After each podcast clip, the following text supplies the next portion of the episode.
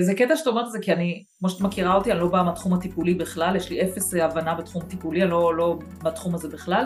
אני חושבת שגם, אולי זה משקף גם שבסוף אימא, בסופו של דבר תמיד אומרים את ה... את יודעת, את האינטואיציה של אימא, מה לעשות, הרבה פעמים זה באמת נכון, כאילו אני באמת לא יודעת, לא יודעת, לא יודעת להמשיג איזה מושג זה ואיזה זה, אבל ככה הרגיש לי נכון, אז, אז גם אני חושבת אולי לחזק את האימהות והאבות שפה, שהרבה פעמים אנחנו כהורים, יש לנו אינטואיציה טבעית, גם אנחנו מכירים את הילד הפרטי שלנו הכי טוב מכולנו בסופו של דבר, ובאמת לזרום עם זה מהאינטואיציה, זאת אומרת לאו דווקא תמיד התשובות באות מאנשי הטיפול, אלא באמת לפעמים את אומרת דברים, אוקיי, אז את אומרת את זה טיפה ככה, טיפה ככה, אבל בסוף גם להתייחס לאינטואיציה שלנו כהורים, שגם בשגרה אנחנו יודעים פחות או יותר מה לעשות עם הילדים, ברוב הפעמים. את יודעת, זה כל כך חשוב. אני כתבתי אה, פוסט להורים ככה די בהתחלה, והמשפט הראשון היה, תקשיבו קודם כל לאינטואיציה שלכם, לפני שאתם מקשיבים לכל איש מקצוע, כולל אני, דרך אגב, קודם כל האינטואיציה. זאת אומרת, כי אנחנו מכירים את הילד, אנחנו מכירים את השפה שמתנהלת איתו, אנחנו מכירים את נקודות הכוח שלו, ואת נקודות הכוח שלנו גם. ולכן זה נורא חשוב.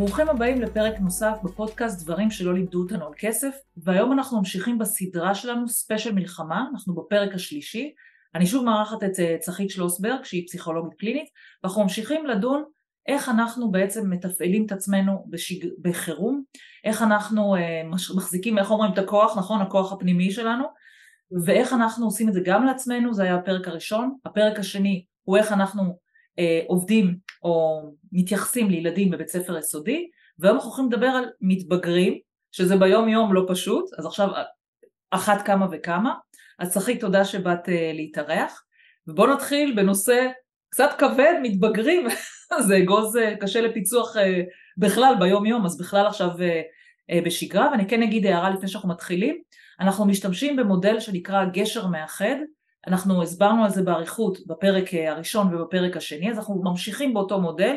אני ממליצה לכם באמת ככה לצפות בפרקים הקודמים, בעיקר בעיקר בפרק שדיברנו על עצמנו, כי אנחנו, בוא נגיד, אנחנו הראי, החמצן, בוא נגיד, מי שמסתכלים עליו הילדים, ולכן בואו נטפל בעצמנו ואחר כך נמשיך לילדים. אז אני שוב ממליצה, תסתכלו בשני הפרקים הקודמים, ואנחנו בפרק השלישי. אז צחית, בואו נתחיל איך אנחנו ניגשים לדבר הזה, לילד או ילדה שמתבגרים עכשיו עם כל הסיטואציה המורכבת הזאתי, איך בעצם פותחים איתם שיח, בואי בוא נתחיל ו- ונזרום עם זה הלאה.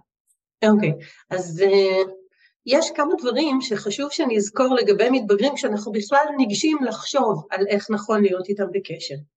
Uh, נקודה אחת זה שהמיתוס הוא שכל המתבגרים uh, קשים, אבל אנחנו יודעים שהמתבגרים מתחלקים פחות או יותר לשלושה שלישים. שליש אלה המתבגרים הסוערים, טורקי הדלתות אה, וכולי, השליש השני אלה מתבגרים שעוברים את, ה, את התקופה הזאת יחסית בשקט, בתקשורת איתנו, אה, כאילו הלא סוערים, ומסתבר שזה שליש, תקין לגמרי, והשליש השלישי הוא הכי קשה, אלה, אלה שעוברים בקפיצות מסגנון אחד לסגנון שני. זה הסגנון שמבלבל אותם נורא, כי יום אחד הם זועמים על אימא ויום אחד הם חושבים שהיא דווקא די בסדר, וזה נורא מבלבל אותנו, כי אנחנו לא יודעים כשאנחנו ניגשים אליהם לחדר האם לשים את השכפ"ץ או לבוא ולקבל אה, חיוך. אגב, זה אנחנו... שונה בין בנים ובנות? או שזה לא, נכון? לא, לא נמצא במחקרים הבדלים בין בנים לבנות, אבל יש שלושה סגנונות שונים. כמה דברים אה, נוספים על מתבגרים. קודם כל, אה, אנחנו תופסים אותם בשלב שבו הם לאט לאט לאט נפרדים מאיתנו ומגבשים את הזהות שלהם. בשלב הביניים הזה הם הרבה פעמים פונים לבני החו... הגיל שלהם, לחברים שלהם, כדי אה, להיות איתם בקשר, ודרכם הם מבינים את העולם, הם, הם ייטו לשאול אותם שאלות, לשתף אותם בדברים. כמו שאמרתי, חלק מהמתבגרים יפנו אלינו, אבל לא מעט גם יפנו לחברים שלהם. ואז אנחנו... לא שמעתי? או טיק טוק, אני חייבת להגיד לך שהרבה דברים אה, אני שומעת, אה, ראיתי בטיק טוק ככה, ראיתי בטיק טוק ככה. זה גם נכון. יכול להיות עולם תוכן עבורם היום, לא רק החברים. נכון, נכון, מהבחינה הזאת המשפיענים והמשפיעניות יש להם המון המון אחריות, אני לא יודעת אם הם קולטים כמה אחריות יש להם לעניין הזה של להעביר מידע, ליצור אווירה, להרגיע וכולי, נכון. מתבגרים לא תמיד יפנו אלינו כמקור ראשון, אנחנו צריכים לזכור את זה, וגם כשאנחנו ננכיח את עצמנו ונפנה אליהם, לא תמיד נזכה לשיתוף פעולה. נדבר על זה בהמשך, על איך בכל זאת לדבר איתם. אגב, צחית, למי, למי את קוראת מתבגר? או, שאלת מיליון הדולר. בספרות מדברים על גילאי נגיד 11-12 עד uh, סוף שנות העשרה. בתכלס אנחנו יודעים שיש ילדים שעוד קודם, במיוחד בגלל ההורמונים היום, נכנסים לגיל הזה עוד קודם, ויש מתבגרים שגם אחר כך uh, ממשיכים, גם פנימה לתוך uh, גילאי 20. אני חושבת שבמדינת ישראל במיוחד, הגיוס יוצר איזה קיטוע בחוויה הזאת של אני עדיין מתבגר ושם עליהם המון אחריות, מעמיד אותם במצבים לא פשוטים, ובעצם נותן להם בוסט של עכשיו אתם כבר גדולים, אתם מפקדים על אנשים, אתם מפקדים על ציוד. אז מהבחינה הזאת אני חושבת שבארץ זה די תחום. Mm. נקודה נוספת שצריך לזכור, כיוון שמתבגרים עסוקים בלגבש את הזהות של עצמם, הרבה פעמים אנחנו נראה שהם מאוד עסוקים בעצמם, גם בדברים שנראים לנו הזויים לגמרי, ודברים שאנחנו לא מבינים איך יש פער כל כך גדול בין מה שאנחנו חווים למה שהם עסוקים בו, וזה דבר טבעי. אני אתן דוגמה. אני אתן דוגמה. אמ, סיפר, סיפר לי uh, חבר שאיבד את אח שלו לפני הרבה שנים, הוא היה בגיל ההתבגרות, והוא זוכר איך מודיעים לו, במק... הוא היה בפעילות אה, קיץ, ולוקחים אותו משם, אח שלו, אח שלו הגדול מבשר לו שאח שלהם נהרג, לוקחים אותו משם בנסיעה ארוכה להורים, ולילה, ורוב מה שהוא חושב בזמן הזה זה כמה בנות יאהבו אותו יותר בגלל שעכשיו הוא אח שכול. כביכול זה נשמע נורא מפתיע ונורא הזוי, אבל אנחנו צריכים לקחת בחשבון שילדים עסוקים בעצמם בגיל הזה. אני מניחה שיש לא מעט בנות שהיו עסוקות באיך אה, אני הייתי, בה, אם אני הייתי במסיבה, מה הייתי עושה, איך היו מתייחסים אליי, האם הייתי מצליחה לברוח, כל מיני שאלות שלא תמיד הם אפילו מעיזים לספר את זה למישהו, כי הם אה, קצת אה, מתביישים. אז חשוב שנחזיק את זה בראש, לא נהיה ביקורתיים לזה, ואם נצליח גם להגיע לחומרים האלה, אז זה, זה נפלא, כי אז אפשר לדבר איתם על הדברים האלה. Mm-hmm. Okay. אוקיי. אמ, בואי, בואי נצלול. את, אני חושבת שהתחלת לשאול על אה, איך אה, לדבר. Okay. אז, אז בואי באמת, אה, זהו, אמרת שיש ככה שלושה סגנונות, אז בואי נדבר באמת על אלה שאני חושבת שזה הכי מציק אולי, המופנמים.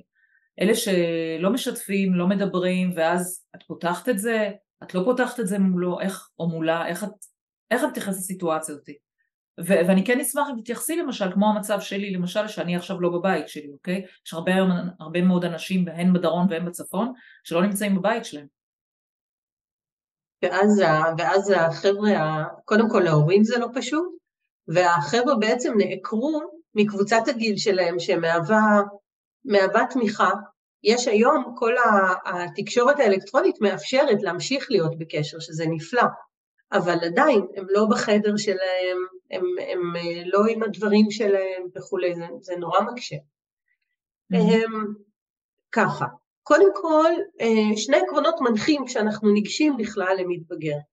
עיקרון אחד שאנחנו צריכים להחזיק בראש, זה שאנחנו צריכים בעדינות ובהתמדה להנכיח את עצמנו אצל המתבגר.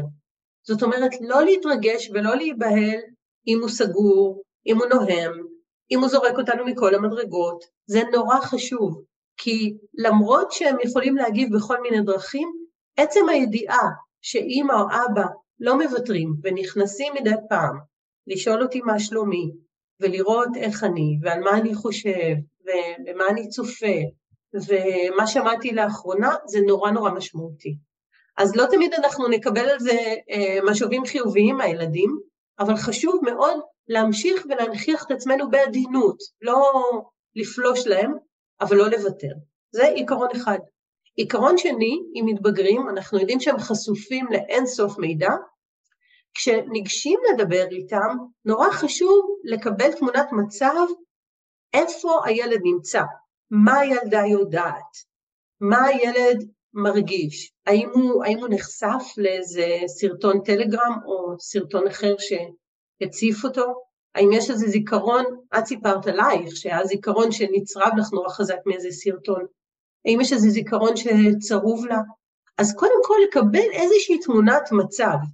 לא תמיד הילדים יספרו, אבל אנחנו כן יכולים לשאול, אמ, רציתי לדעת איך את בימים האחרונים, רציתי לדעת, יש משהו שאת חושבת עליו שלא מפסיק, או יש משהו שמטריד אותך, או יש משהו ש... אמ, לא יודעת, אם אנחנו רואים שהיא קצת יותר בסדר, להגיד, את יודעת, אני רואה שקצת תוקע לך, יש, מה מרגיע אותך, מה עוזר לך?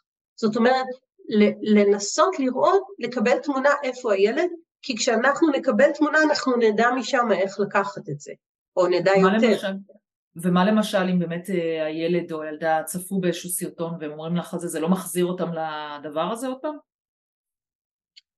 זו שאלה טובה שגם הרבה מטפלים אה, אה, מתמקדים בזה. אני רוצה להגיד, א', אם ילד נחשף לסרטון והסרטון הזה צרוב לו וחוזר לו שוב ושוב ושוב, א', אנחנו יודעים שזה עושה נזק. זה, זה מבעבע בפנים, זה עושה נזק. אז א', חשוב שנדע. ב', אחד הדברים, אם יש חוויה קשה מאוד של ילד, אחד הדברים שצריך להיזהר זה לא לבקש ממנו לפרט לפרטי פרטים ולהעלות את הזיכרון על כל הצבעים וכל הפרטים שלו, כי זה יכול לעשות טראומטיזציה משנית. מה כן? כן, כן חשוב שנשאל אותו, אה, אה, נגיד הוא מספר שהיה איזה משהו שלא יוצא לו מהראש, לבקש רק לדעת על מה מדובר. ולשאול אותו אם, אם הוא היה רוצה לקבל עזרה לגבי זה. כי ילדים לא, מתבגרים יותר קשה להם להתמסר לטיפול, רובם. אז אם יש משהו שהוא רוצה עזרה רק בזה. לא אתה צריך עזרה, לא אתה צריך טיפול פסיכולוגי, אלא משהו שיעזור לך עם הזיכרון הזה שלא מרפה ממך. Mm-hmm. והיום, קודם כל, אנשים שיודעים לעבוד עם טראומה, ועכשיו יותר ויותר אנשי טיפול קיבלו הכשרות בתקופה האחרונה, וידעו מה לעשות עם זה. אפילו אם זו פגישה חד פעמית. זאת אומרת, משהו שהוא נקודתי שיעזור לילד להשתחרר מזה. כדי שהזיכרון הזה לא יתגבש ויהיה קשה. אז זהו, מה לי כהורה למשל צריך להיות נקודה אדומה בהתנהגות של הילד שאני אומרת רגע יש פה משהו שהוא יותר מזה, יותר מרגילה. זאת שאלה טובה. קודם כל הייתי מסתכלת על ההתנהגות של הילד, דבר ראשון מבחינה גופנית, זאת אומרת איך הוא ישן, כמה זמן לוקח לו להירדם, האם, האם הוא, יש שינויים באוכל. מעבר לזה שחלק אוכלים יותר ג'אנק וזה, אבל האם הוא הפסיק לאכול או שהוא אוכל המון. שים לב לשינויים בהתנהגות. נעשה רגע הפסקה, נעשה שנייה הפסקה ונחזור הפעם. כן. שנייה נעשה הפסקה. טוב, אז חזרנו מההפסקה, אה, בואו נמשיך לדבר באמת איך ניגשים לילדים שהם מופנמים ואיך אנחנו בעצם אה, עוזרים להם. אז, אז אה, דיברנו על מה, מה נורות אדומות שיש להורים. אז אמרנו, א', שינויים בהתנהגות גופנית, אכילה, שינה אה, וכולי. שתיים, שינויים בהתנהגות היגיינית. האם הילד הפסיק להתקלח, האם הוא צחצח שיניים, מזניח את עצמו וכולי. שלוש, התנהגות חברתית. האם הילד נמנע מחברים, לא רוצה לראות, לא רוצה לשמוע וכולי. אה, וכל התנהגות שהיא תפקודית שמשהו משתנה, האם הוא כל היום במיטה, האם הוא נשאר בפיג'מה וכולי. אלה צריכים להיות נורות אדומות, ששוב, אם זה כמה ימים זה לא נורא, אני משלב של אה, נגיד שבוע, עשרה ימים רצוף, שיש כמה סימפטומים כאלה, זה נורה אדומה שאנחנו צריכים לשים לב אליה, ואז לחשוב, לפנות, להתייעץ קודם אנחנו, ואם צריך גם לעזור לילד להגיע. מעולה. עכשיו, אה, הילדים, הילדים המופנמים, עליהם שאלת? על הילדים כן, ש... כן, על הילדים המופנמים איך לפתוח אותם, וגם אם את יכולה אחר כך להרחיב, גם הילדים שאמרת שמתנהגים הפוך, או אלה שגם וגם, זאת אומרת שמשנים את ההתנהגות, אז איך... כן, שיש להם אה, התנהגות ב... ככה בגלים. בעיקרון העקרונות הם אותם עקרונות, רק שלכל ילד אנחנו ניגש קצת אחרת. זאת אומרת, הילד הסוער הרבה פעמים לא ייתן לנו, לא ירצה שניכנס אליו לחדר, יגיד לנו שזה לא ענייננו, אחר כך יגיד שלאף אחד לא אכפת ממנו בבית הזה, זאת אומרת, הם ילדים סוערים, אבל, אבל העיקרון הוא אותו עיקרון, רק שלילד סוער הייתי באה עם, את יודעת, קסדה, שכפ"ץ ובדחילו ורחימו, ולילד שהוא יותר פתוח הייתי באה, אני מניחה, יותר בנינוחות. העקרונות הם אותם עקרונות. אוקיי. לפעמים יש אנשים שקל להם יותר להגיע לאותו ילד ספציפי, אחות גדולה, בת דודה, אבא או אימא, דודה, להיעזר בכל מי שאפשר שיכול להגיע אל הילד, אם זה לא אנחנו. אמ, אנחנו דיברנו אם אנחנו הולכים על העקרונות של הגשר מאחד, שאנחנו לא נרחיב אותם פה, אבל נשתמש בהם כאן. יש ילדים, אני רוצה רגע לעבור ולראות איך אפשר לעזור לילדים. הילדים אני רק אזכיר במשפט, אני רק אזכיר במשפט שגשר מאחד זה בעצם מודל שאנחנו בעצם נעזרים בו, אנחנו יודעים איזה סגנון הילד, אנחנו נעזרים בו בשביל לגשת אליו ולתת לו סיוע ככל שאנחנו יכולים, נכון? זה בעצם... נכון, ואנחנו מדברים על אה, אה, שבעה ערוצים של התמודדות לפי מול אילן, ואני אגיד רק איך זה בא לידי ביטוי עם מתבגרים, תוכלו לזהות איך זה עם המתבגר או המתבגרת הפרטיים שלכם בבית. הילדים הגופניים, גשר, הילדים הגופניים זה ילדים שהרבה פעמים עוד לפני כן יכולנו לראות את זה. ילדים ששיחקו כדורסל, היו בחוגי מחול, סוגי, אה, סוגי ספורט למיניהם, ילדים שצריכים את זה בשביל הגוף שלהם. ואז אם החוגים נפסקו והם נמצאים בבית, אה, הם די משתגעים, זה די קשה להם. אז כל ערוץ גופני שאפשר לתת להם, אופניים, לצאת לריצה, לעשות משהו בבית, לעבוד מול המסך, לעשות כושר, כל דבר מאוד יקל על הילדים האלה. הילדים השכליים, וכאן אני רוצה לדבר על הילדים שהם צורכי מידע, אה, שהם צריכים מידע בשביל להתארגן. אנחנו יודעים שהמידע הוא אינסופי, ויש להם גישה עם הניידים הפרטיים שלהם. מהבחינה הזאת, אני חושבת שהתפקיד שלנו כהורים זה א', למנן את המידע, וב', לנסות עד כמה שאפשר ללמד אותם איך לצרוך את המידע כדי שהם לא יהיו מוצפים ושהם לא יצרבו בנפשם אם הם ייחשפו לחומרים אה, אה, קשים מאוד. אז מהבחינה הזאת שווה לשאול אותם אם הם נחשפו, ופשוט אם אפשר לא לאפשר להם להיכנס לרשתות, ואם אי אפשר אז לדבר איתם על, על מי הם כן סומכים, למי הם כן יכולים להיכנס ולמי עדיף שלא. זה נורא נורא משמעותי. אני בתחילת הלחימה קראתי לה, לשתי הבנות שלי, אבל גם יש לי מתבגרת, ואמרתי, וגם הסברתי לה אבל למה. לא אמרתי לה, אוקיי, אני לא מרשה לך לראות רשתות, אלא אמרתי לה, אני מבקש שלא תיכנסי לרשתות, היא גם כיבדה את זה, ואמרתי לה גם למה, אמרתי, תראי, מסתובבים עכשיו סרטונים של האויבים שרוצים להפחיד ולהלחיץ, ואני לא רוצה שתיחשפי לזה, זה לא משהו של הגיל שלך, אמרתי לה, גם אני לא מסתכלת, זה גם לא לגיל שלי. אמרתי לה, גם אני, גם אני, זה מטריד גם אותי. אני מבקשת שלא, ואז היא מבקשת ממני אישור כל פעם, כי יש להם את הקטע הזה שנכנסים, איך זה נקרא? שנכנסים, אה, כאילו התקשורת היא רק בין החברים, שכחתי איך זה נקרא. זה לא, כאילו היא לא רואה את כל הכלל, אלא היא נכנסת לחברים, כאילו, ורואים את החברים. אז שזה אין לי בעיה וזה בסדר. אבל אני מדי כמה ימים מזכירה לה שעוד פעם שאני מבקשת שלא זה, כי בפיד של, ה, של הדברים האלה, את, את לא יכולה לדעת מה, מה הם יגללו, מה יהיה הדבר הבא. נכון, נכון. ממש לא יכולה לדעת את זה. ואת אמרת משהו נורא חשוב נוסף שאני, שאני רוצה לשים עליו אור, וזה שמתבגרים, כיוון שהם בדרך להיות מבוגרים, נורא חשוב להם להבין את העולם. ואז כשאנחנו אומרים להם דברים מסוימים, נורא חשוב שנסביר להם למה. שזה לא רק כי אני אמרתי, אלא למה. במשהו שיעשה להם היגיון, שהם יבינו, במקרה הזה של מידע, שאנחנו מנסים להגן עליהם מפציעות נפשיות.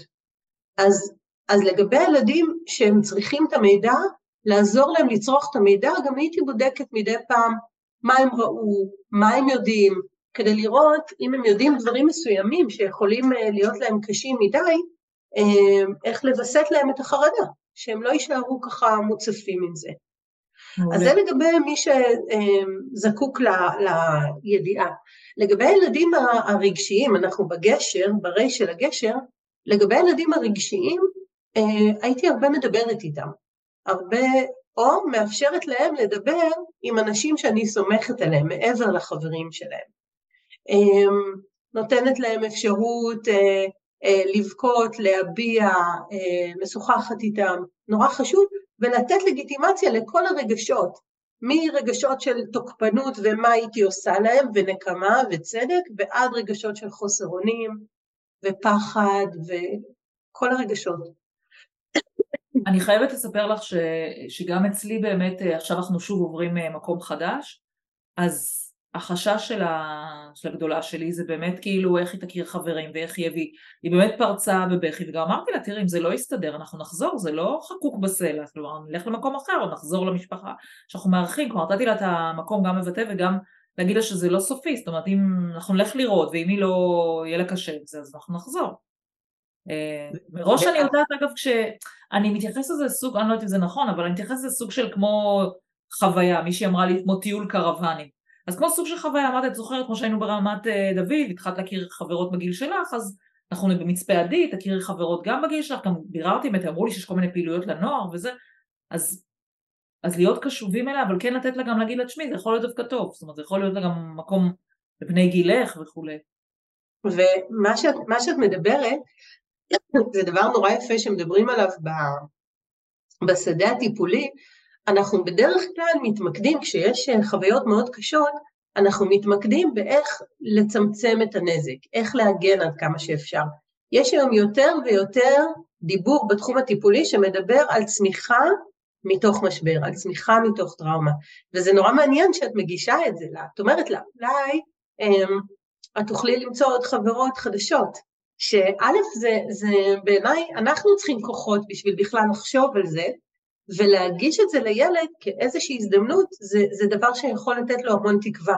זה, זה על הכיפאק. זה קטע שאת אומרת את זה, כי אני, כמו שאת מכירה אותי, אני לא באה מהתחום הטיפולי בכלל, יש לי אפס הבנה בתחום הטיפולי, אני לא, לא בתחום הזה בכלל.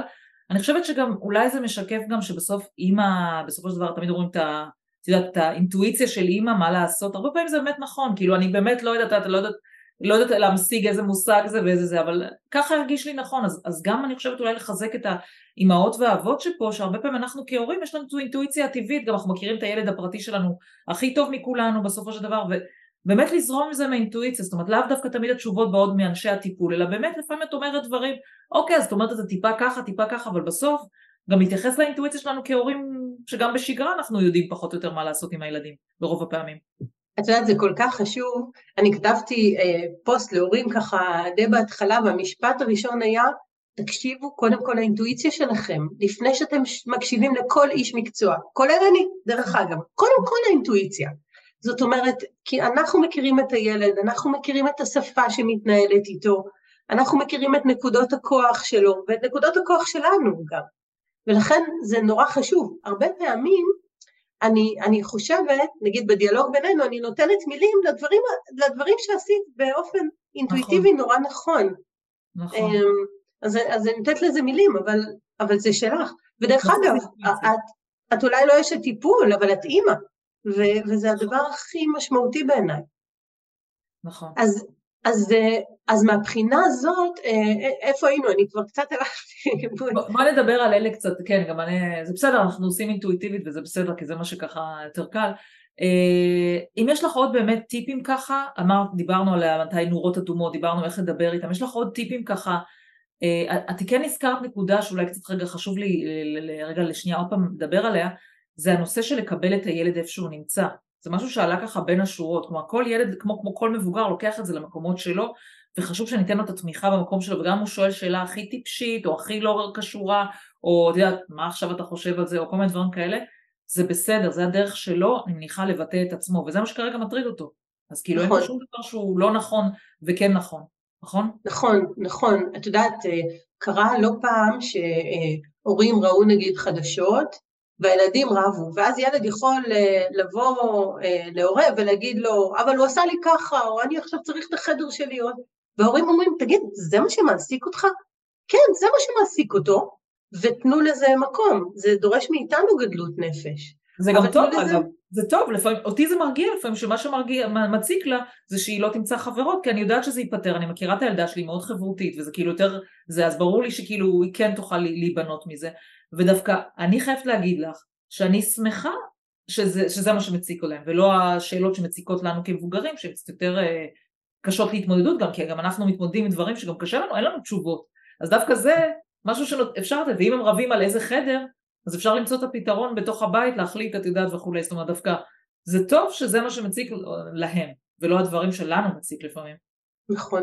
את, את דיברת על עוד משהו שאני רוצה כן להתייחס אליו, וזה ילדים שה, ש, שפונו מהבית, עזבו את הבית, אתם, אתן ממש עוברות ממקום למקום, ומהבחינה הזאת, ה, כש, כשאין לזה עוגן, יש ילדים שהרבה הרבה יותר קשה להם, שהם צריכים את הפינה שלהם במיטה, את הזווית שלהם מול החלון.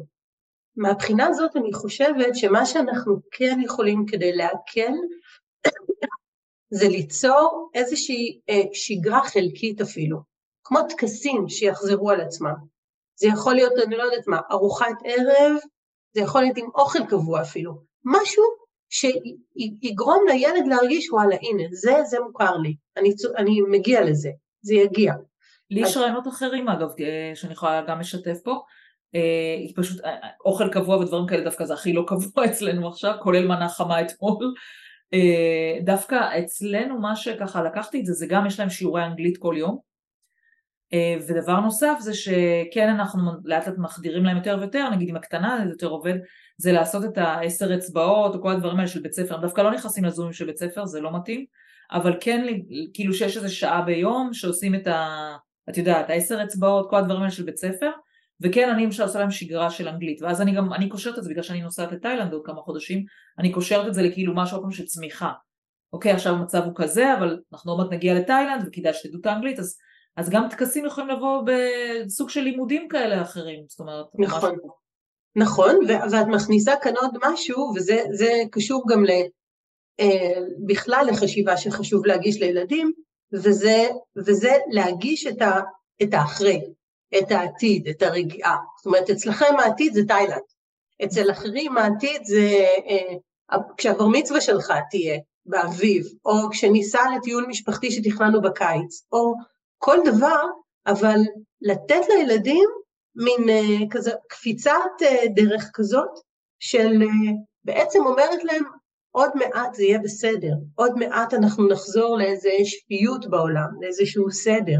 אז אני חייבת פה לשאול, אז פה אני חייבת לשאול, כי אני מניחה שאולי גם ישמעו אנשים שמפוני עזה ושאין להם לאיפה לחזור, אז איך את מתייחסת לזה? זאת אומרת, החברים האלה שבאמת, בוא נגיד, המעגל הראשון, שזה באמת משפחות של חטופים, משפחות שאין להם לאיפה לחזור, כל הדברים האלה, איך אז את אומרת, כי אז לא רלוונטי להגיד, לא יודעת מה, זה נשמע לי בר מצווה בעוד שלוש שנים, שעכשיו אתה כאילו אין לך בית לחזור.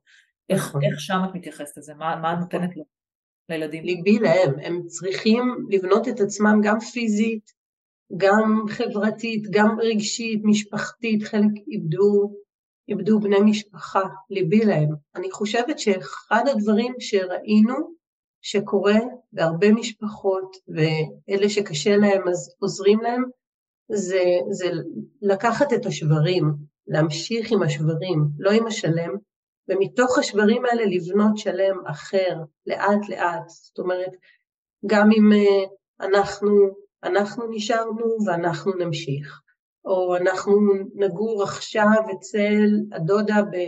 לא יודעת, ברעננה, לתקופה מסוימת, ואחר כך נראה מה קורה משם. זאת אומרת, משהו שייתן לילד איזשהו עוגן, וגם ההורים צריכים שמישהו ייתן להם עוגן. עוגן לטווחים קצרים את מתכוונת? זאת אומרת עוגן שיותר דברים מיידיים, הנה עכשיו נגור אצל הדודה בתקופה הקרובה וכולי, זאת אומרת לבנות את זה בצעדים מאוד מאוד baby steps, ככה אני שומעת. אז יש, יש שני אלמנטים, יש את ה baby steps שדיברת, של בעצם בוא נבנה את זה שבוע, יום ביומו, שבוע בשבועו וכולי, אה, ויש גם, אם, אם ההורים מוצאים בכוחם אה, ובתוך נפשם היכולת להגיד לעצמם והיכולת להגיד גם לילד משהו עתידי יותר טוב, זה יכול לתת תקווה לילד, זה יכול משהו, לתת לו משהו שהוא יכול להאחז בו. אה, זה קשה מנשוא, המשפחות שנפגעו זה קשה מנשוא, זה הרבה עבודת ריפוי והחלמה עדינה וכואבת, אבל, אה, אבל אני חושבת שהרבה מאוד משפחות עושות את זה, עושות את זה. קיבלנו, קיבלנו וואטסאפ של חקלאי מהדרום, שיש לו, לו סחורה שהוא חייב למכור אותה, והתקשרו אליו, אז, אז הוא אמר לזה שהתקשר, הוא אמר לו, תשמע, אני בלוויה של אחי, תן לי לחזור אליך אחר כך. ואני חושבת על הטירוף הזה, אז הוא יהיה בלוויה והוא יחזור אליו אחר כך, כי יש לו סחורה שהוא צריך, אה, שהוא צריך להמשיך להתפרנס ולחיות. Mm-hmm. אבל זו עבודה מאוד עדינה, מאוד מאוד עדינה. שזה היה אה, עוד אלמנט שאת מזכירה פה, זה גם אלמנט של השגרה, זאת אומרת, זה גם, יש פה איזשהו אלמנט של הריפוי, זה שהוא צריך להיפטר מהסחורה, כמה שזה נשמע אולי לא, אבל אני מניחה שזה שהוא צריך לדאוג, זאת פעם, הוא צריך לדאוג למשהו שיקרה, אז זה, אני חושבת שזה נותן לו גם תחושה של מסוגלות מסוימת, כי הנה עכשיו יש לו סחורה והוא פועל בשביל למכור אותה, זאת אומרת, אני חושבת שחלק מהדבר שנפגע זה גם תחושת המסוגלות, אגב, לכולם, אבל זה אולי לפודקאסט אחר, אבל... נכון, נכון, ולפעמים דווקא ההישרדות היומיומית שצריך עכשיו לדאוג לזה, או צריך מקום לישון הלילה, או צריך לתת לילדים לאכול, זה מחבר אותנו לעוגנים של היומיום. נכון. וזה אגב, אם נקשור את זה עוד פעם למתבגרים למשל, אחד הדברים שאמרה לי אה, בר, זה שחסר לה להתנדב. כי אנחנו לא מכירים את זה של פה.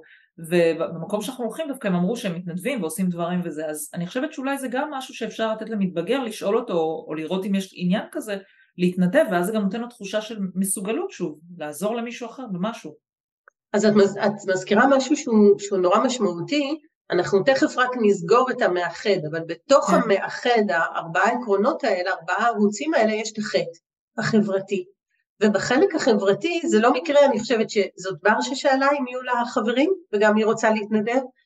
אמ, הילדים שזקוקים לחלק החברתי, שזה נותן להם עוגן, קודם כל הייתי מנסה לשמר, אפילו כמו שאת אמרת, לפגוש חברים אפילו שהם לא נמצאים איתכם ביישוב כרגע, זה אחד. שתיים, הילדים האלה זקוקים לתפקיד, כי אם הם יוכלו לתת למישהו, זה מאוד מאוד יעזור להם. אז אם תמצאי לה מקום שהיא תוכל להתנדב בו, וזה יכול להיות כל דבר שמתאים למתבגרים, זה יכול להיות אה, בעלי חיים, או לאסוף ולמיין צעצועים, או כל דבר. אמ, זה יכול מאוד לתת תחושת ערך ותחושת מסוגלות, ולתת משמעות, וזה נורא משמעותי בגיל הזה. אני חושבת שלא במקרה, בהרבה הרבה אירועים היסטוריים, דווקא המתבגרים היו אלה שעשו את ההפיכות הגדולות, את ה... כי יש בהם איזה להט נעורים כזה, שאפשר לקחת אותו ולנווט אותו למשהו שייתן להם חוסן וכוח. אז... זאת אומרת, באופן אינטואיטיבי את אומרת, המתבגרים בעצם יודעים מה מקורות הכוח שלהם? זאת אומרת, אם אנחנו מאפשרים את זה, אז יש להם אפשרות גם הם לדעת מה, מה יכול לעזור להם? ראיתי כאלה וכאלה. ראיתי כאלה שבאופן אינטואיטיבי הלכו למרכז והתחילו להתנדב, וראיתי גם מתנדבים שאמרו, אמ, נורא משעמם עכשיו, אין לי מה לעשות, אין, אני לא, לא מבין, בשביל מה, אין לי טעם לשום דבר. ושם ההורים היו צריכים לעזור ולהגיד לילד, למשל, אתה יודע, אתה מעולה בעריכת סרטים, ואתה גם דובר אנגלית, אז אולי תעשה משהו שיהיה לחברים שלך בחוץ לארץ, או דברים נוספים שההורים היו צריכים לפתוח לילד את האופציה הזאת והילד כבר נכנס בה. אז לפעמים ילדים צריכים שיעזרו להם לזהות, אבל נורא חשוב, אם מתבגרים בטח, שהבחירה תהיה שלהם. זאת אומרת להגיד, אולי, מה דעתך? והילד צריך לבחור, כן, רוצה אני. כן. אה, רק כדי להשלים, אז... כן, בדיוק, נשלים את המאחד. במילה מאחד יש את המשפחה, ולגבי המשפחה, נורא חשוב שאם אה, יש ילדים שיש להם קשרים טובים עם אנשים במשפחה המורחבת, לזמן להם את זה. בני דודים בגילם, אה, מישהו קרוב להם, לזמן להם, יש לפעמים דודים צעירים כאלה שיש להם קשר טוב עם המתבגרים, לזמן להם את זה, זה במשפחה.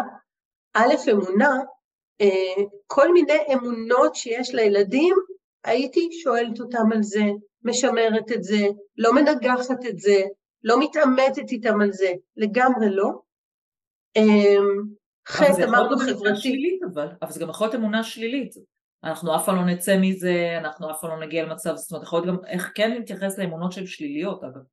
אוקיי, okay, זאת שאלה טובה. כאלה שנכנסים לחשיבה שהרבה מאיתנו גם לפעמים נכנסנו, הרגשה כזאת של מה יהיה עכשיו, אין, אין על מי לסמוך, אה, אמ, נורא חשוב שאם יש מתבגר שמדבר ככה שכאילו האמונות שלו אה, נשברו, נורא חשוב שנדבר איתו בלי ביקורת. זאת אומרת, אה, ומה אתה חושב יקרה אחרי זה? עד מתי אתה חושב שלא יהיה עם מי לדבר? עד מתי אתה חושב? אתה חושב שיכול להיות משהו שישנה את זה? זאת אומרת, אם אנחנו ניכנס לטעות של להגיד לו, אבל אתה יודע, צה"ל, ואתה יודע, מדינת ישראל, ואתה יודע, ארצות הברית, זה לא יעזור לו, הוא רק ייכנס ליותר מגננה. אבל אם אנחנו נזמין אותו למצוא איפה הוא חושב, או אתה יודע, מתוך כל הבלגן הזה, על מי היום אתה סומך? אני לא סומך על אף אחד, רק על החברים שלי. אוקיי, שלום, הנה, משהו, התחלנו. או לא יודעת, אני סומך על האלה שהתנדבו. אז התחלנו, עשינו משהו. זאת אומרת, להחזיר את החלק הזה, את הניצוץ העדין הזה של האמונה בטוב, של האמונה בסדר, של האמונה ב... בקיום שפוי, מאוד מאוד בעדינות. אז זה האלף, במאחד, חטא דיברנו, ונשאר לנו ד' דמיון. לא מעט מתבגרים ילכו לבינג'ים של אה, סדרות טלוויזיה, או אה, ייכנסו למחשב וישקעו לתוך אה, משחקי מחשב ושימות העולם, וזה, אנחנו נוטים להיות ביקורתיים לגבי זה. חשוב לזכור שזאת אחת הדרכים שלהם לווסת לעצמם את הטירוף, את החרדה שהם מרגישים בבית, בתוכם או מאיתנו. וזה בסדר. חשוב שמדי פעם ניכנס לבדוק מה שלומם, מה הם רואים, להזמין אותם, לא יודעת, לארוחת ערב, לעשות משהו שיחזיר איזשהו דיאלוג שלנו איתם. צריך לזכור את זה. ולנסות עד כמה שאפשר, למרות שהרבה דברים נפרצו, חוזרים עכשיו ללימודים, גם פיזיים וגם היה בזום, הרבה פעמים מתבגרים יגידו, מי צריך את זה? אין לזה שום טעם, בשביל מה?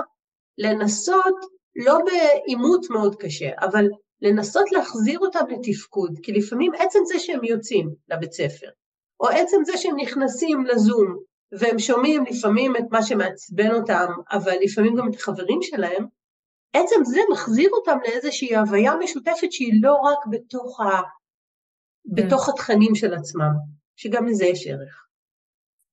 אז אני רוצה לסכם אולי בנקודה שלא נגענו בה מספיק, זה הנושא הזה של גם בשגרה זה תקף, עכשיו שוב זה תקף אפילו יותר, שההתנהגות שלהם היא לא לעשות לנו דווקא.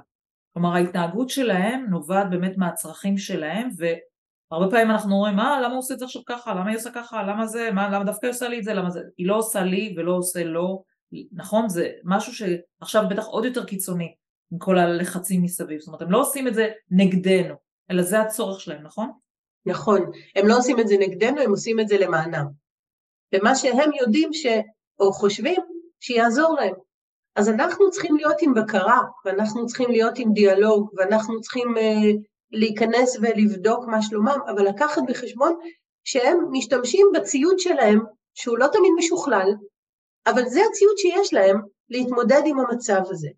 וככל שאנחנו... סליחה, לא משוכלל, אני חייבת להגיד לך שגם אני הרבה פעמים מוצאת עצמי חסרת אונים מול המצב הזה, זה גם בסדר להודות שגם אנחנו לא יודעים כל מה שיקרה, וכן, גם לי נשברו כמה אמונות, וגם אני עכשיו תוהה כל מיני דברים, את יודעת, אז גם לי הסט הכלים שלי, אז קל וחומר הם שסט הכלים שלהם הרבה יותר אה, צעיר, בוא נגיד את זה ככה. נכון, נכון, אני חושבת שאחד הדברים, אה, אה, אחד הנזקים החזקים היו שה...